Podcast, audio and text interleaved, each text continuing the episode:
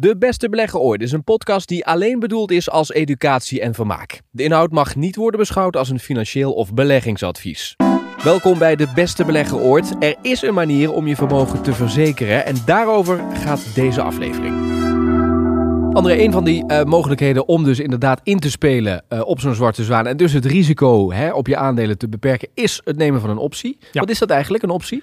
Het optie, als je het letterlijk definitie neemt, in dit geval zijn er twee soorten. Je hebt de call opties en je hebt put opties. Nou, laten we met de put optie beginnen in dit geval. To put betekent plaatsen in het Engels. Put it over there. Plaats het ergens anders. Nou, wat je hier kunt doen is je kunt het risico bij een ander iemand plaatsen. Nou, een put optie is het recht om een bepaalde hoeveelheid aandelen, meestal bij aandelen is dat 100, om 100 aandelen te verkopen tegen een vooraf vastgestelde prijs, tegen een vooraf vastgestelde looptijd en een vooraf vastgestelde premie. In dit geval, daar moet je een premie voor betalen. Dus stel, voorbeeld, een aandeel noteert 20 euro. En ehm, jij wilt dat aandeel gedurende één jaar beschermen tegen een daling. Dan kun jij een put-optie kopen met een uitoefenprijs op 20 euro. Het aandeel staat 20 en jij zegt ik wil nul eigen risico, ik wil het beschermen vanaf 20 euro. Maar daarvoor moet je een tegenpartij vinden die dat risico op zich wil nemen. Iemand die zegt, luister, ik wil jou best wel die aandelen van jou overnemen. Dus je hebt een jaar lang het recht om die aandelen bij mij te plaatsen. Je mag ze aan mij verkopen voor 100 euro, maar dan moet je mij een premie betalen.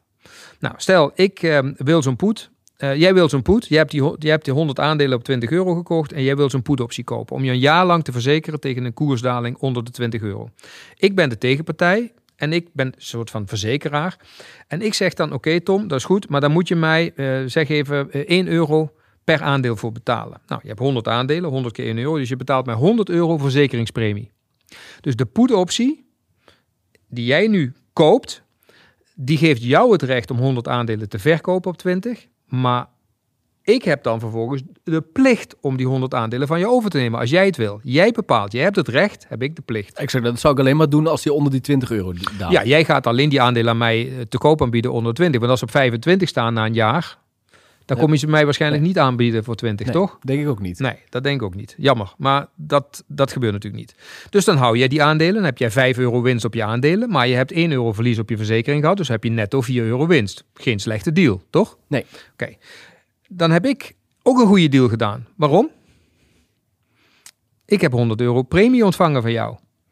Nou, ja, het jaar is voorbij. Je hebt mij betaald. En uh, ja, wil je je weer verzekeren voor een jaar? Uh, misschien wel op 25. Dan zeg ik, ja Tom, ik heb weer een euro van je te goed. Als jij je wilt verzekeren op 25 voor het komende jaar dat, zou feite, dat is feite wat je doet met je verzekering. Op, op, op, op je huis bijvoorbeeld, met brandverzekering. Ja, maar, maar wie is dan zo'n verzekeraar op de financiële markt? Nou, dat kunnen handelaren zijn, die professionals die dat doen. Uh, ja, net als een verzekeringsmaatschappij. Wie gaat mijn huis verzekeren tegen brand? Je moet wel helemaal mijn shocken zijn om mijn huis te gaan verzekeren tegen brand. Oké, klein risico, maar ja, als het gebeurt heb je nog hoop schade, toch? Hoe, hoe, vind ik die dan? Nou, die vind je, die, vind je uh, die zijn er altijd op de beurs. Want op de beurs bestaan zijn er particuliere handelaren, maar ook professionele handelaren.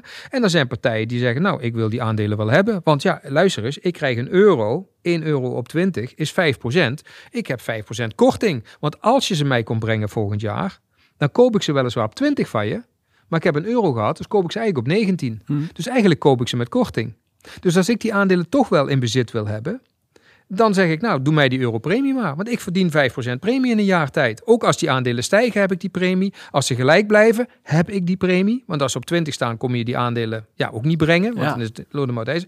Alleen als, je, als het gedaald is, dan kun je zeggen, ja, slechte deal voor mij. Want als ze op 15 staan, dan moet ik ze afnemen op 20. Hey, maar, maar, heb ik wel een euro gehad. Exact. Zo'n zwarte zwaan, die is zo impactvol dat het waarschijnlijk op je hele portefeuille uh, inhakt. En invloed heeft. Zeker. Betekent dat dan ook dat je op al je aandelen put-opties Theoretisch, theoretisch kan dat. Eh, ik moet je eerlijk bekennen, als ik een strategie maak op een aandeel, heb ik altijd mijn risico's afgedekt. Altijd. Oké, je hoort het goed. Altijd. Ja. En eh, dat betekent dus dat ik uh, weliswaar risico heb, maar ik bepaal zelf hoeveel risico ik wil hebben. Want je kunt ook verzekeren, Tom, niet op 20, maar je zou kunnen zeggen, nou weet je wat, ik neem 2 euro eigen risico, ik verzeker ze op 18. Nou, wat denk je, moet, ik dan, moet jij dan meer of minder premie dan een euro betalen? Je zou zeggen, uh, ik betaal dan minder uh, premie, omdat ik uh, ook zelf meer risico ja, neem. je hebt een eigen ja. risico van 2. Ja. Dus nu betaal je misschien 50 cent. Even, het zijn even gefingeerde aantallen en bedragen. Um, nou, dus kun je zeggen, nou weet je, oké, okay, ik, ik, ben, ik heb toch een verzekering op 18, hè, jij. Ehm, eh, ja, van de andere kant denk je, nou, is toch een lekker gevoel. Als het daalt, nou ja, goed dat het een beetje daalt, dat kan ik wel handelen. Maar als het doordaalt en plotseling word ik op eh, 12 euro eh, wakker volgend jaar, ja, dan, eh, dan heb ik in één keer een Ja. groot probleem. Exact. En dan zou ik me kunnen voorstellen, want het is in principe wat je doet, is ehm, eh, jezelf verzekeren van in ieder geval een be- bepaald bedrag wat je zeker hebt met die verzekering. Maar je, eh, eh, je snoept ook een deel van de winst, van het rendement af. Ja, ja. Dat, is het, dat is eigenlijk wat je doet, de deal Ja. die je met jezelf sluit. Zijn er dan bepaalde momenten waarop je zegt, oké, het gaat nu zo goed op die beurs, nu doe ik dat lekker niet, die verzekering? Ah, kijk, daar is die. Nee, ja, Ja. want je wil toch mensen willen- Mr. Hebzucht. Ja. Ja. En we kijken, de, je nooit genoeg. Ik heb sinds kort een kleindochter, die lees ik voor uit dat boekje, Tom. Rups je nooit genoeg. Ja, kijk, het is natuurlijk zo, als, het is heel menselijk hè, wat je nu zegt. Maar dit is zo herkenbaar wat je nu zegt. Hè. Ik heb wel eens mensen gehad die zeggen, meneer Brouwers, die strategie van nu, die werkt niet. Ik zeg, moet u mij uitleggen? Ja, ja, die koersen gaan omhoog en die, premie van die put, die ben ik dan kwijt. Want ja, ik zeg, oké, ik zeg, maar meneer, mag ik een vergelijking maken? Ik zeg, stel u voor, u woont in een huis. En het is kerst. En u zegt tegen uw vrouw, god, schat, eh, toch vervelend hè, dat ons huis niet is afgebrand. Zonde van de, zonde van de brandverzekeringspremie. Laten we ons huis in de fik Ja, ik steken. snap wat je ja, zegt, dat maar- doet toch niemand? Nee, Nee, toch? maar het is natuurlijk wel anders. Een huis is anders dan aandelen. Je vindt het toch zonde dat je Hoezo? Dat is vermogen. Ja. Dat is vermogen van mensen. Dit is, het is kapitaal van je. Ja, maar het is ook een beetje gokken. En je denkt je toch van, god, heb ik toch... Ah, ja. Nou ja, prima. Als jij wil gokken, dat is fantastisch. Dan zou ik zeggen, ga lekker naar het casino. Kijk, een beurs ehm, is wat mij betreft geen gokken. Als je dit spel, als je dit spel wil winnen, moet je voorbereid aan de slag komen. Oké? En ehm, ja, daar moeten we het misschien op een ander moment eh, wat uitgebreider over hebben. Maar het, het, het, kijk, het is voor mensen serieus. Er zijn mensen die hebben een vermogen, die moeten van dat vermogen leven. Die moeten daar rendement van hebben. Nou, mensen op leeftijd, hè, die, die 50, 60, eh, 65 plus zijn, ja, die hebben hun kapitaal verdiend met hard werken en die willen het kapitaal niet kwijt. Nee. Nou, vaak zijn ze niet wetend als het gaat om ehm, eh, eh, dit soort instrumenten. En ja, dat vind ik echt dood en dood jammer. Want kijk, zolang het goed gaat, merken ze niks. Hè? Zolang als je huis niet afvikt, dan denk je, ja, brandverzekering, jammer dan. Nee, maar als het wel gebeurt, is de impact gigantisch. Mm. En dan is het toch jammer als je, dat, dat is toch een hoop rust te creëren. Als je zegt, joh, betaal die 50 cent en je slaapt lekker. Tuurlijk heb je risico. Hoe bepaal je wat eh, dat bedrag is? Hè? Ja. Hoe, be- hoe bepaal je die 20 euro? Nou ja, dan krijgen we natuurlijk het verhaal. Hoe zit het met wat, is, je- wat, wat, kun jij, wat ben jij bereid te verliezen? Wat kun jij mentaal en financieel handelen? Hè? Dus Ja, maar hoe bepaal je dat? Nou ja, dat, dat, dat, dat, dat kan ik aan jou vragen. Wat, eh, Oké, Ja. Tom. Ja, kijk, als jij nu zegt: ik heb 10.000 euro en ik, en ik, en ik stop eh, 10.000 euro in één aandeel. En, en ik zeg: Ja, Tom, morgen kan het eh, de helft zijn. Hoe, hoe voelt dat? Nou, zeg jij: Nee, dat, eh, jezus, man, dan moet ik, eh, nou, dat wil ik niet. Nou, oké, dan heb ik een antwoord, toch? Dus het is afhankelijk van eh, het- jouw, jouw risicotolerantie. Wat voor rendement moet je maken? Jouw leeftijd. Hè? Heb jij verdiencapaciteit? Eh, iemand die 65 is en zijn, en zijn zaak verkoopt en dan kapitaal bij, vermogen bij elkaar heeft en die daar de rest van zijn leven van moet leven, om maar eens wat te noemen. Ja, die kan zich geen dipje van 30, 40, 50 procent eh, eh, permitteren, zeg ik dan. En die, die overleeft dat bovendien niet alleen fin- financieel niet, maar vaak ook mentaal niet. Nee. Dat wordt gru- gruwelijk onderschat. Maar dan wordt ook altijd gezegd, hè, ook als je bij banken komt, ben ik ook wel eens op gesprek geweest. En dan zeggen ze altijd van ja, het kan wel naar beneden gaan, maar er komt altijd ook weer een periode, dan gaan we weer omhoog. Ja, dat is fijn dat die banken dat al weten. Hè? Dat het na, na een daling altijd al Nou, maar ja, als je in de historie kijkt, dan zie je natuurlijk altijd de periodes dan daalt het weer. En op een gegeven moment gaat het ook weer omhoog. Je weet, er maar wie, komt ze- wie zegt mij dat de afgelopen 100 jaar representatief zijn voor de komende 100 jaar? Dat weet die meneer van de bank ook niet. Dus we gaan er gemakshalve vanuit dat dat zo zal zijn. Maar niemand weet dat. Het kan wel zijn dat wij misschien nu wel in de, de, de, meest bloeiende periode ever hebben geleefd. Weet jij toch niet? Nee, Zou maar ik, kunnen. ik kan altijd redeneren, oké, de rente staat nu heel laag. We kennen Zeker, maar daar gaan we weer. Jij denkt dat je op basis van een goede redenering gelijk gaat krijgen. Maar dat weet je helemaal niet, want het ligt in de toekomst. En jij weet niks over de toekomst. Dus dat is flauwekul. Ehm, het is niet helemaal onwaar. Tuurlijk, in de afgelopen 100 jaar, 200 jaar, ik ken die statistieken, is het gemiddelde rendement op aandelen fantastisch geweest. En ja, er zijn dipjes. En ja, die aandelen zijn altijd weer terug naar nieuwe all-time highs gekomen. Want daarom leven we in de tijd van de all-time highs van de afgelopen 10 jaar. Dus je hebt in die zin gelijk. Maar nu zal ik je vertellen, tussen 1929 en 1954, lang geleden, stonden de aandelenkoersen 25 jaar stil. Als je kijkt in de jaren 70, jaren 80, stonden de aandelenkoersen ruim 10, 12 jaar lang stil. Als je in 2000 de AEX zag staan op 701, all-time high, moet je misschien nog eventjes wachten voordat we weer op 701 staan. Want op dit moment staan we niet op, eh, op, op 700, maar staan we op Ja, 650. het gaat wel erg goed. Ja, het gaat fantastisch. Maar we staan na 20 jaar niet eens op die oude all-time high.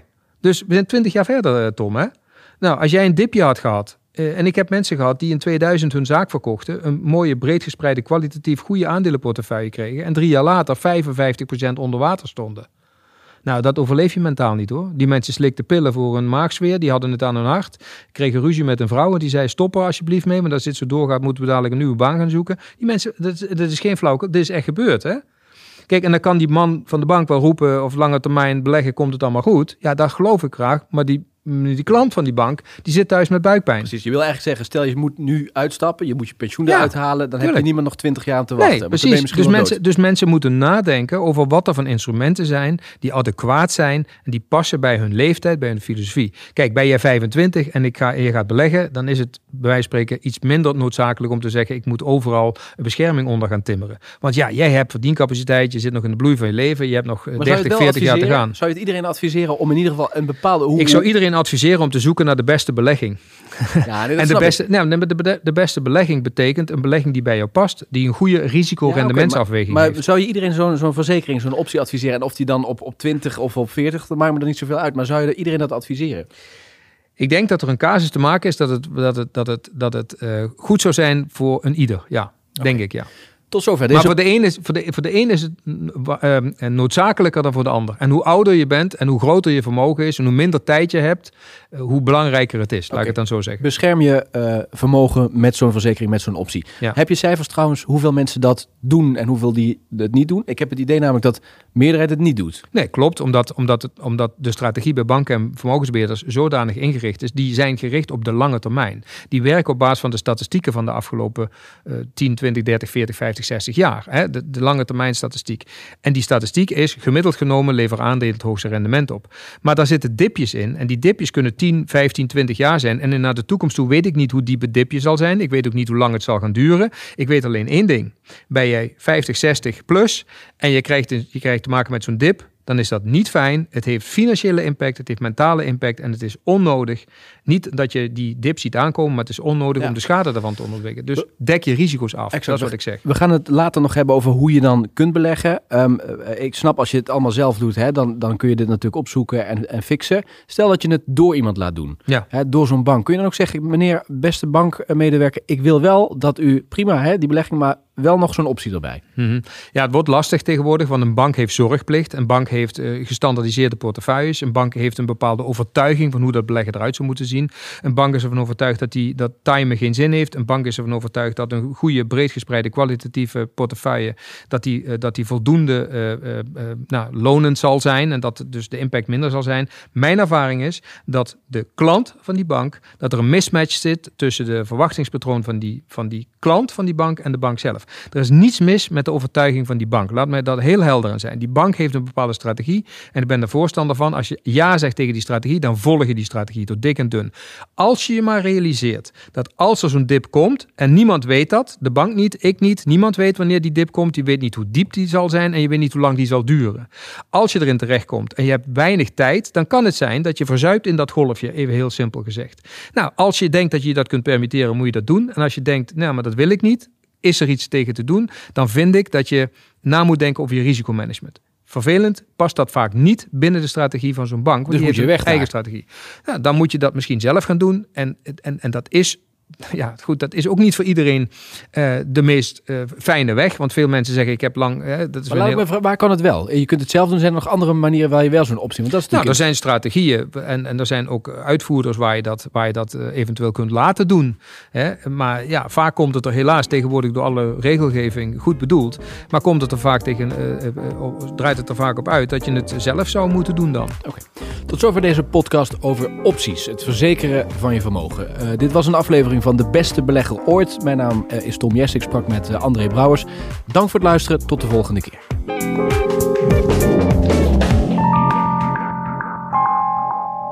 De Beste Belegger Ooit is een podcast die alleen bedoeld is als educatie en vermaak. De inhoud mag niet worden beschouwd als financieel of beleggingsadvies.